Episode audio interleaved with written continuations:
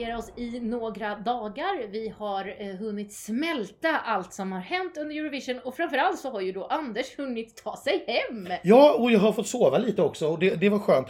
Men, men det, ett av orosmomenten innan jag åkte till Tel Aviv var ju faktiskt att ta mig hem för att den här omtalade säkerhetskontrollerna på flygplatsen var jag faktiskt lite rädd för. Men det var inga som helst problem för min del faktiskt. Jag blev utfrågad i 4-5 minuter.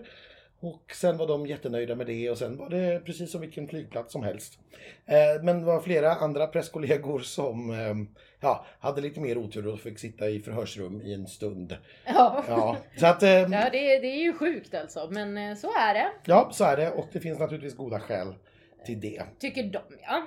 Jo, men det, de har inte haft en flygkapning sedan 70-talet så att det fungerar ju faktiskt. Ja, kanske är det så. Men då ska vi se, det finns ju en del att ta med sig från det här Eurovision. Det vart ju inte 100% så här exakt som vi sa och exakt som vi tänkte, utan det finns ju en del historier kring årets Eurovision och en del resultat att diskutera. Ja, framförallt resultat att diskutera.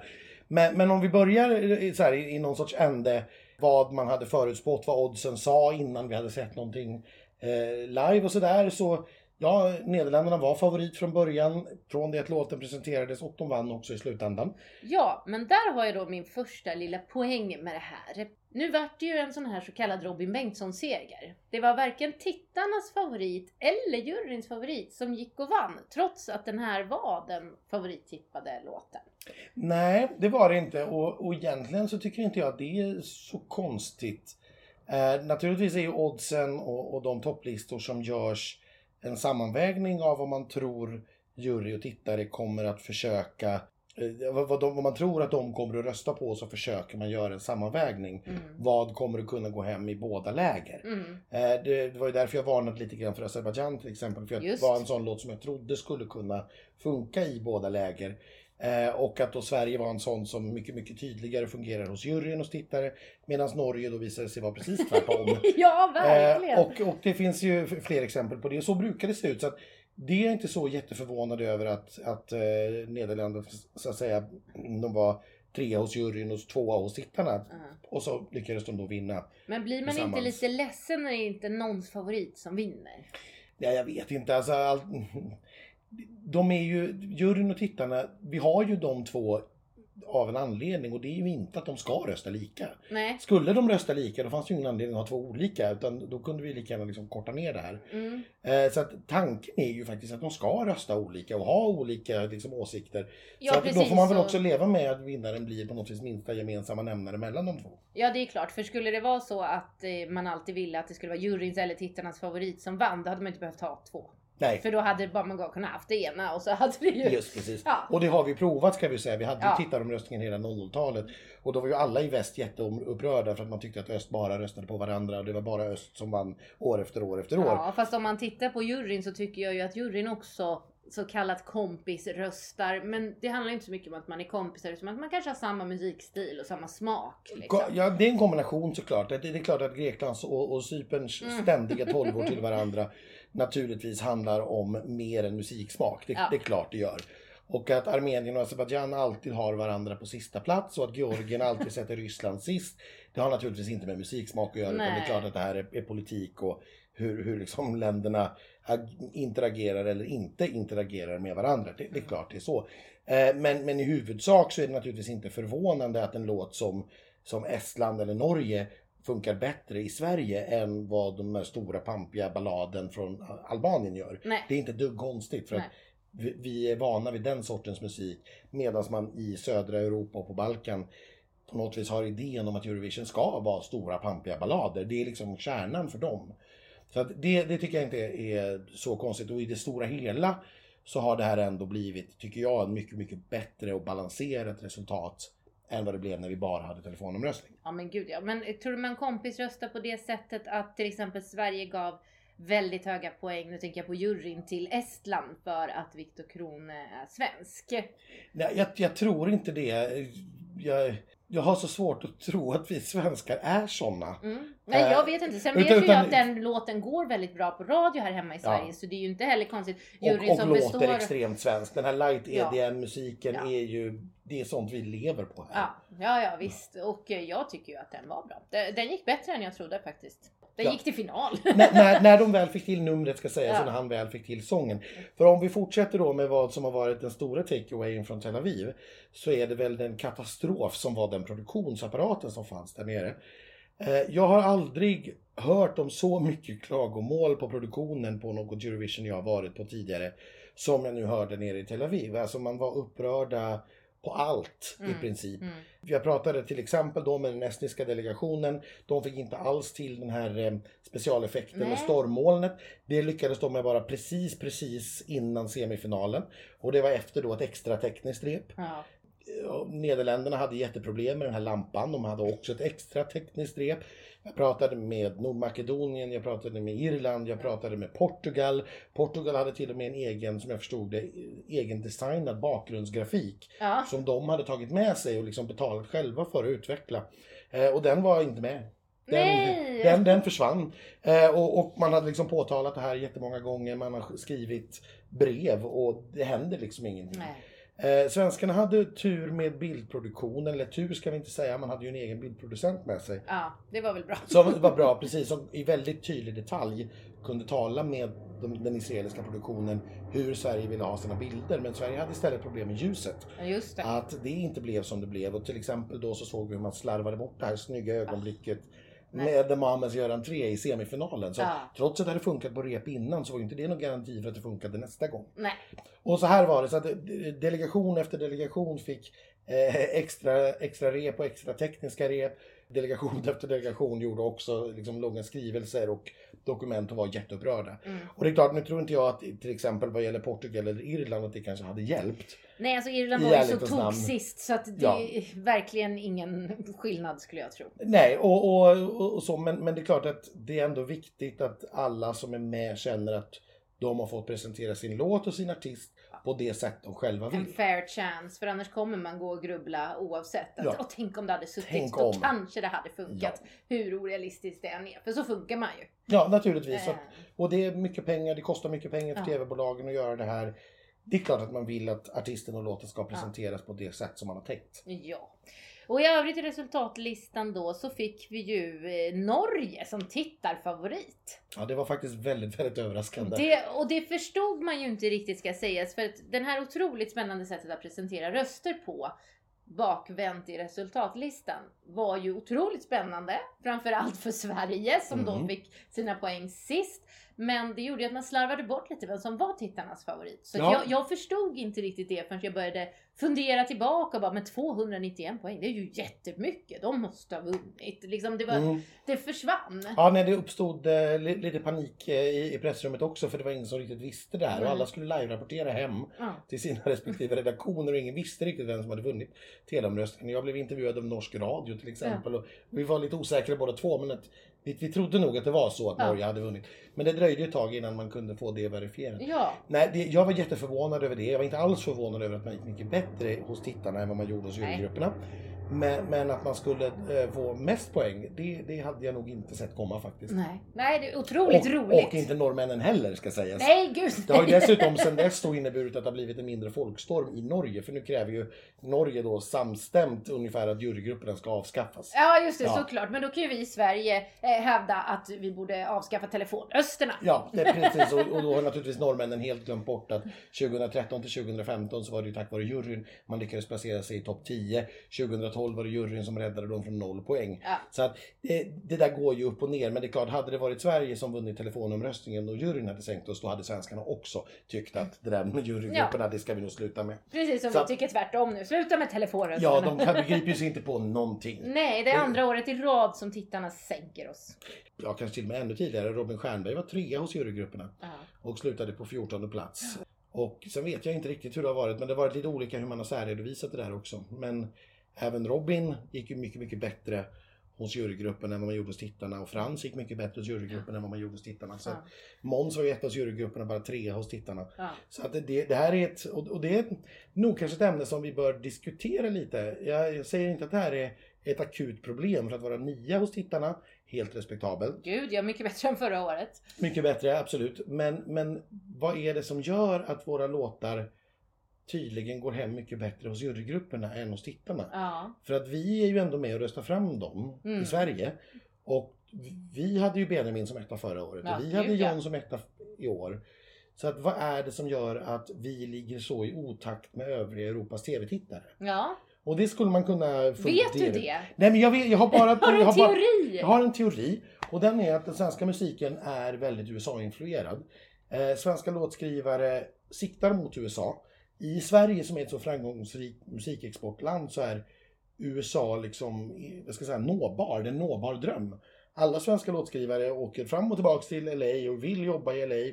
Eh, och då blir man också väldigt så här, amerikaniserad i sitt sätt att skriva och i sitt sätt att producera, Mm. tror jag. Så att, eh, jag tror att både, nu är ju för, för Johns del då gospel en amerikansk musikgenre. Såklart, väldigt västlig. Ja, eh, och, eh, men Benjamin är ju också väldigt amerikanifierad musik Mm. som kanske då inte tilltalar östra eller södra delen av Europa. Jag vet att jag var inne i, i vår, någon av våra förpoddar här under veckan på att jag, jag trodde liksom att vi skulle gå väldigt bra i västra och norra Europa. Mm. Och det gjorde vi ju, för det var ju de jurygrupperna vi tog. Ja, Eh, och det var också där vi fick våra tittarpoäng. De- förmodligen. Ja, just det, det har man ju kunnat Det har vi kolla kunnat kolla på. Ja.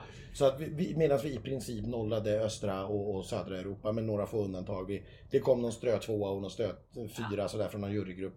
Eh, tolvan från Armenien, helt oväntat. Den var ju väldigt rolig. helt, helt oväntat. Eh, och det var väl då möjligen undantaget som bekräftar regeln. Ja, ja men Så får vi roligt. säga. Men det där är, är det någonting som jag tror att eh, Karin Gunnarsson och Christer Björkman ska ta och fundera över lite till nästa år. Vad, Mm. vad är det vi ska göra? För nu har det varit många år Mm. eh, där juryn sätter oss väldigt, väldigt mycket högre än tittarna. Och vill man ha den där sjunde segern, då måste vi vara lite bättre hos tittarna. Mm. Vi måste inte vinna hos tittarna, det såg vi med Nederländerna i Ja. år. Men vi, vi kan inte vara nia då, utan vi måste liksom vara tvåa, trea åtminstone. Ja, spännande. Och någonting som eh, jury och folk däremot är väldigt överens om, det är ju Big Five. Utom undantag då Italien Mm. vartenda år, för de har ändå klättrat topp 10 sådär. Men i övrigt ligger ju Big Five nästan alltid längst ner på resultatlistan. Ja, Och Tyskland förstår mig, de skickar ju pissbidrag, det får vi ju faktiskt säga. För att vara ärliga. Ja, men, men ja, det, det kanske de gör. Spanien tycker jag var så dålig i år till exempel och den, den gick ju inte heller hem hos någon. De skickar ju för sig väldigt spansk musik, kanske bara funkar i Spanien. Jag, jag vet inte, vad är din teori kring det här? Jo, men jag tror att det är helt enkelt så. För jag, jag gjorde faktiskt en sammanställning innan jag åkte ner till Tel Aviv bara för skojs skull. På de senaste ja, tio åren lite drygt. Hur Big Five och värdlandet då brukar placera sig. Och varje år så, ser faktiskt mönstret exakt likadant ut. Mm. Ett, ett utav dem går väldigt bra och placerar sig ofta i topp fem. Är all, nästan alltid Italien, men Mm. Ja. det har inte alltid varit det. Nej, Ibland har det varit andra också. Tyskland vann ju till exempel 2010. just det, om vi går så Eh, långt bak. så. ja. Eh, men det är alltid någon av dem som liksom lyckas väldigt bra. Ytterligare en brukar placera sig någonstans i mitten. Det här är oftast Frankrike, vilket de gjorde även i år. De var Jajamän. 14 plats. Och sen är de andra plats 20 och neråt. Ja. Och jag tror att det är så att den här nackdelen man får av att inte vara med i semifinalerna är att väldigt, väldigt många tittare som tittar på finalen har trots allt tittat på en av semifinalerna Mm, och redan hittat sin favorit. ja. För annars hade de inte varit i, hade man inte varit i finalen. För, för det är så att de som inte hade några favoriter, eller som, som ingen hade som favorit, de har ju åkt ut. ja. Och så helt plötsligt kommer det sex helt nya bidrag. Mm, Och då är det lite för många. mm, Det vill säga, de, man hade redan en favorit när man kom in till finalen. Men sen när det kommer sex nya, man kan ta till sig en, man kan ta, möjligen ta till sig två. Men man kan inte ta till sig sex nya. För att då, då behöver man helt plötsligt skjutsa ner så här, den favoriten man redan hade. ja. Lite för många steg.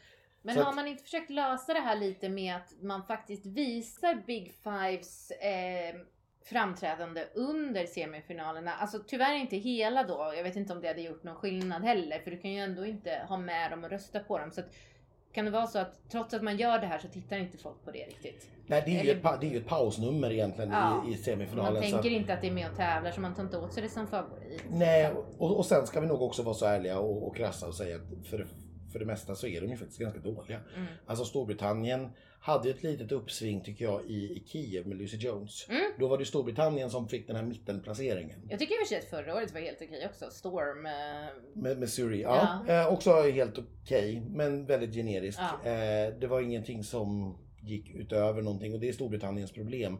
No, de är inte dåliga, Nej. de är bara tråkiga. Ja. Men väldigt, ja men som Michael Rice, det är Ja. ändå en okej poplåt. Absolut. S- inte svindålig, det fanns mycket sämre i finalen. Men hur man framförde det och vad man gjorde med det var ju väldigt roligt. I, I Eurovision får man ju vara dålig, man får bara inte vara tråkig. Det är det absolut värsta man kan vara och det är vad Storbritannien lyckas med nästan jämt. Ja. Och Tyskland. För jag tycker inte Tyskland är jättedålig heller. Jag tycker bara- att Tyskland är fruktansvärt dålig. Jag, jag, tycker, jag personligen tycker jag till exempel att Israel är mycket, mycket värre. Men Israel är rolig. Ja, det blir ju Han är nästan inte tråkig. För han blir ju humor även fast han inte vill det. helt ofrivilligt. Ja. Ja. Nej, jag, som sagt, så att det, det, det är klart att det här spelar in också. Det är klart att Storbritannien kan komma bra i Eurovision. Mm. Men då får de sluta skicka generiska poplåtar. Ja. Eh, och, och liksom, ja, nej men det, då, då måste man våga gå lite längre utåt kanterna och så våga chansa lite. Nästa år skickar de Måns. det kan vara så kanske. De har ju ryckt i honom en del BBC så att eh, Ja men vad spännande. Och sen hade vi då eh, Nordmakedonien som en riktig skräll. Ja, den här var det ju ingen som såg komma. Ingen pratade om den. Nej, och det var ju ett svenskt team bakom och man Ja. var så här lycka till. Alltså, Ja, nej, men, Men- men, men jag, jag vill ändå säga, tror jag, att när, när jag såg det här på eh, de första repetitionerna, det var före, före genrepen började så att säga, så var jag otroligt imponerad av hur mycket man hade lyft den här låten. mm, För jag tycker fortfarande att låten är dötrist. ja. Men, men med det här numret så lyfter man faktiskt den låten till en helt annan nivå. Dessutom sjunger hon ju fantastiskt. Absolut. Eh, och hade dessutom väldigt bra startnummer, låg mot slutet Mm. efter andra upptempolåtar så att man verkligen liksom fick fram det. Så att jag var ganska säker på att hon skulle ta sig till final och jag Ja. trodde nog inte hon skulle göra bort sig där men eh, att som tvåa hos juryn, den var det ju ingen som såg Nej. komma. Om hon nu då var tvåa hos juryn. Ja, för Ska vi där prata har vi om ju alla nästa. dessa röstningsskandaler som har Herregud, uppdagats? jag har aldrig varit med om något rörigare. Nej, alltså det finns, det finns ett uttryck bland Eurovision-fans, det är att göra en Hilda. Mm. Eh, och, och det kommer sig från en dansk kvinna som då hette Hilda. Ja, såklart. Som var den första som vände upp och ner på sin ranking när hon eh, röstade. Just det, vilket inte är så konstigt för jag kan tycka det är märkligt att man har det sättet att ranka på eftersom poängen är precis tvärtom. Ja, eh, för, och, för att förklara då vad, Ja. vad jurymedlemmarna gör. De har alltså uppgift att ranka alla bidrag eh, i semifinalen eller i finalen. Så att för Sveriges del, då den svenska juryn, det var 17 bidrag vi tävlade emot. Mm. Så varje jurymedlem i den svenska juryn ska då rangordna från första plats där man tycker är bäst till 17 plats där Ja. man tycker är sämst. Och då ska man sätta ett på den man tycker är bäst. Så man ger inte poäng Nej. utan ranking. Och det här kan jag tycka är lite förvirrande. Det, jag, jag kan förstå att, att det, man gör fel. Jag kanske har svårare att förstå att instruktionerna då inte har blivit klarare. Eh, på de åren sedan Hilda gjorde det här, det var i Stockholm 2016. Och att man inte heller eh, korrar. Då, hamnar- då hamnar man ju i det här svåra att då ska man börja ifrågasätta någons bedömning. Nej, men kan inte varje eh, lands juryordförande Ja. dubbelkolla? ja, Och, och- korra, för de kan ju ifrågasätta. Är du nu säker på det här? Jag bara ja, undrar. e- helt Eller bara okej. fråga, har jag då förstått det rätt? Det här är din åsikt. Du tycker att den här låten är den bästa. Ja, Det här är den näst bästa, det här Ja. är den tredje bästa och så vidare. Sen vet inte jag faktiskt som juryordföranden om någon får se de här rösterna eller om de Nej. bara matas in. okej. Det, det vet inte jag och jag Nej. vet inte hur det matas in, jag vet inte hur det gränssnittet ser Det ut. kanske vi kan få reda på. Eh, möjligen. Mm. Eh, kanske möjligen då inte, vi kan fråga vår, vår, vår vän juryordföranden i år faktiskt. Exakt, det var För, det jag för, tänkte ja, på. för det som hände här var det, för de som då har missat det, var ju att Lina Hedlund i den svenska juryn gjorde just det här upp och ner röstandet i semifinalen. Ja. Så att hon satte då Nederländerna glatt på 17 plats, hon Mm. satte Schweiz på 16 plats och eh, om jag minns rätt Ryssland på 15 plats. Ja. Medan då hennes favoritbidrag på första plats var Österrike och på andra plats Rumänien. Ja. Eh, och det förstår ju alla som någonsin har sett Lina Hedlund på bild att så tycker inte hon. Nej, Nej. sen kan man ju tycka att lite trist att Österrike, Österrike var inte så dåligt tycker jag. Nej, jag, jag, jag tycker att den var verkligen skittråkig. Men, men det, här, vi kan nog vara överens om, eftersom hon dessutom Ja. sen i finalen hade vänt på det och tyckte att Holland var den bästa låten. Exakt. Så var det nog inte så hon egentligen tyckte i Nej. semifinalen. Nu fick det här inte några eh, konsekvenser. Nej, och Lina har väl fortfarande inte uttalat sig själv Nej, hon har inte, om i alla fall Nej. inte vad vi har sett i, i media. Det fick ingen konsekvenser som sagt för vilka bidrag som gick i final. Däremot så gjorde det förmodligen då att Österrike slapp sista platsen. Just det. helt plötsligt så fick Österrike Sveriges jury 8. Just det. Ja, I semifinalen och det var nog för att gå om eh, eh, Irland. Just det. Så att det korrekta resultatet om Lina hade röstat rätt hade förmodligen varit att Irland hade sluppit komma sist. Irland hade kom, sluppit komma sist. Mm. Precis. Eh, allvarligare då var att eh, exakt samma sak hände redan i den första semifinalen. Eh, och då var det faktiskt så allvarligt så att det var juryordföranden själv som hade gjort detta. Nej, vilket land! Det var från Tjeckien. Ah, Eh, som, ehm, druckit för mycket bärs. Ja, så kan det ha varit. Hon, hon, det här var lite otydligare ska vi säga för att det, det innebär om man då hade vänt på hennes röster så hade hon haft Georgien som på andra plats och det tycker jag nästan är lika orimligt. Ja, det är lite overkligt det också. Eh, men, men om man jämför hennes röster i semifinalen och i finalen Ja. så ser man att hon har vänt på dem. Ja. Och det är klart att man kan ändra uppfattning, det, det är ju rimligt. Fast men, så mycket. Nej, alltså det var så här, alla hennes jurykollegor i Tjeckien tyckte att Slovenien var den bästa låten i semifinalen, utom hon som tyckte att den var sämst. Ja, nej Ja, det är ju men inte- sen i finalen tyckte hon att Slovenien var bäst igen. Ja, Och då är det förmodligen så att hon har vänt upp och ner på det. Och det som då förmodligen har hänt är att resultatet faktiskt har påverkats. Mm. Om hon hade röstat rätt eh, så hade ju Polen fått ett poäng mer och Vitryssland ett poäng mindre. Och de två poängen var precis vad som skilde de två mellan tionde och elfte platsen. Uff. Så att förmodligen var det så att det misstaget hon gjorde kostade Polen en finalplats på bekostnad då av Vitryssland. Eller Vitryssland fick den istället. Just det. Hur gick det för Vitryssland sen i finalen? Ja, vi vet inte på rak arm. De var ju på högra halvan någonstans. Ja, ja, för jag tänker så här om det sen hade gått svinbra för Vitryssland i finalen så Ja. var roligt för er. Kul, kul för dem. ja, Men eh, ja, Nej, så att, för, förmodligen inte. Men det är klart, den exponeringen som det innebär Ja, ja, att vara i en final är värd väldigt mycket. Ja men och Eh. Polen tror jag hade kunnat gå bra i finalen. Ja, alltså vi, de hade ju fortfarande varit tia i sin semi. Jo, det jo. måste man ju ta in. eh, Och det var väl den svagare semin dessutom. Så, så att, ja, kanske inte jättebra förutsättningar. Men det spelar liksom ingen roll. En persons misstag får ju inte få ge den typen Nej, av konsekvenser. Absolut inte. Eh, Vart kom Sverige i semifinalen?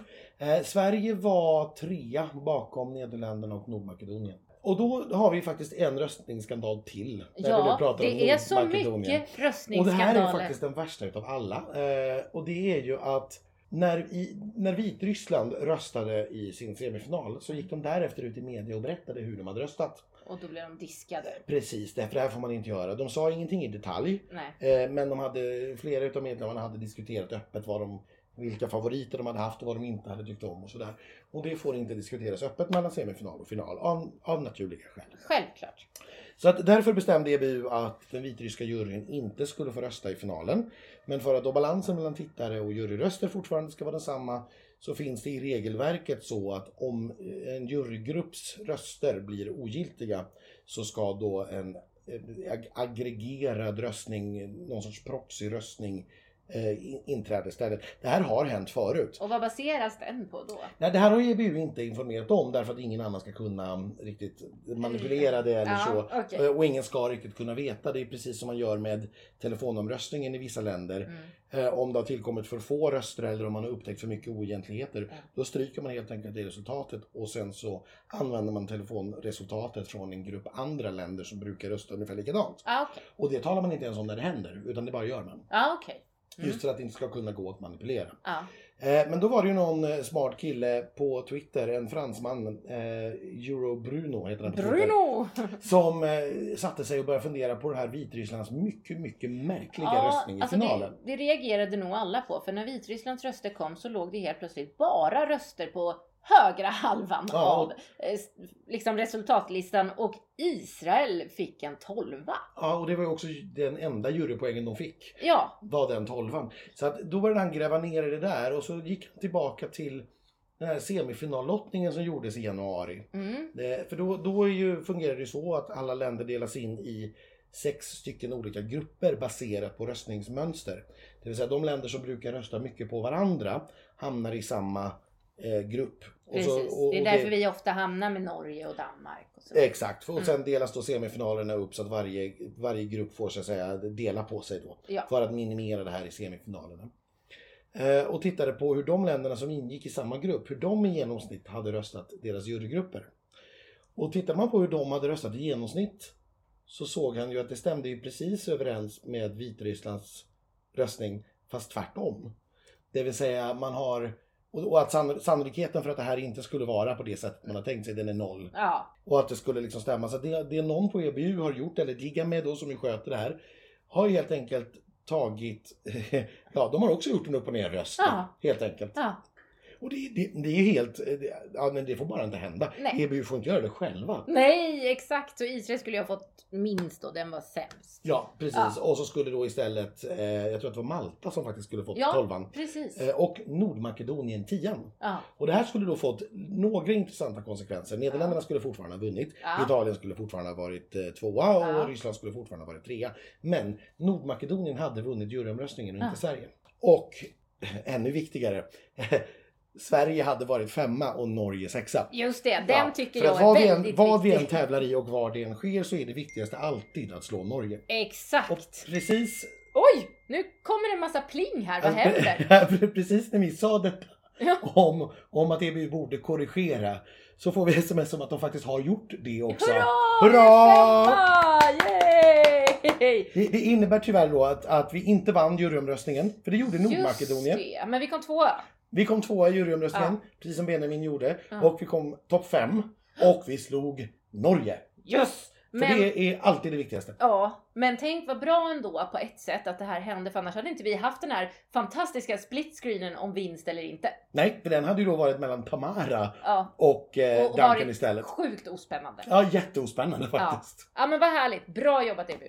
Frågan är om man hade gått in och justerat det ifall det hade inneburit en annan vinnare, för den är ju lite taskig. Den är mycket, mycket jobbigare. Ja. Och detsamma med, med semifinalen. Vi kan inte, vi kan inte göra om finalen. Nej, vi kan inte sätta Polen där Nej, istället. det, det, liksom. det går inte. Men, men i det här fallet som sagt, det är lite redaktionella förändringar. Det är några poäng upp, några poäng ner. Mm. Någon placering här eller där.